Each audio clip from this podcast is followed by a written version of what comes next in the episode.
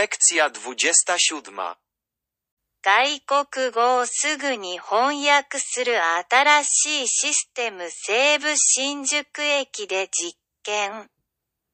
西武鉄道は今月10日から東京にある西武新宿駅で新しい翻訳のシステムを使う実験をします。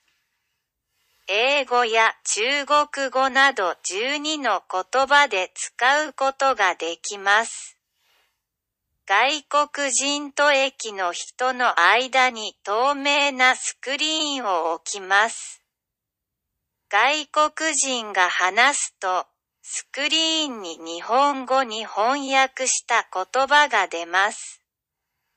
駅の人が話した日本語は、その外国人の国の言葉になって出ます。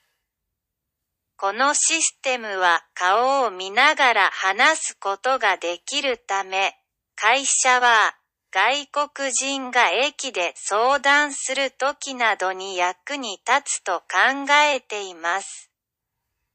3ヶ月ぐらい実験して、今年の秋頃から駅で使う予定です。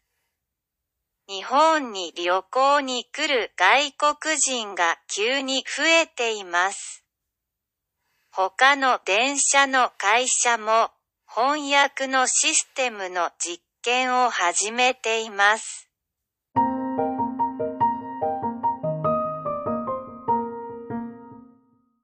Trwają próby nowego systemu, który błyskawicznie tłumaczy języki obce na język japoński i odwrotnie na stacji Seibu Shinjuku. Pracownicy linii kolejowej Seibu będą wypróbowywać nowy system tłumaczący na stacji Seibu Shinjuku w Tokio od 10 czerwca. System będzie mógł być używany w 12 językach, takich jak na przykład język angielski czy język chiński.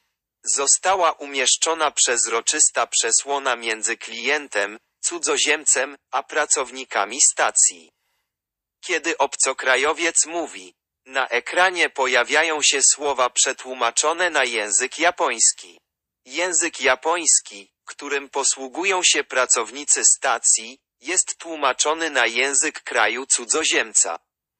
Firma uważa, że ten system będzie przydatny w czasie odpowiadania na zapytania cudzoziemców na dworcach, ponieważ ludzie będą mogli rozmawiać patrząc sobie w twarze. Po około trzech miesiącach prób, linia kolejowa planuje używać tego systemu na stacji mniej więcej od jesieni tego roku. Liczba obcokrajowców odwiedzających Japonię rośnie w dużym tempie. Inne firmy kolejowe również prowadzą próby z systemami tłumaczącymi.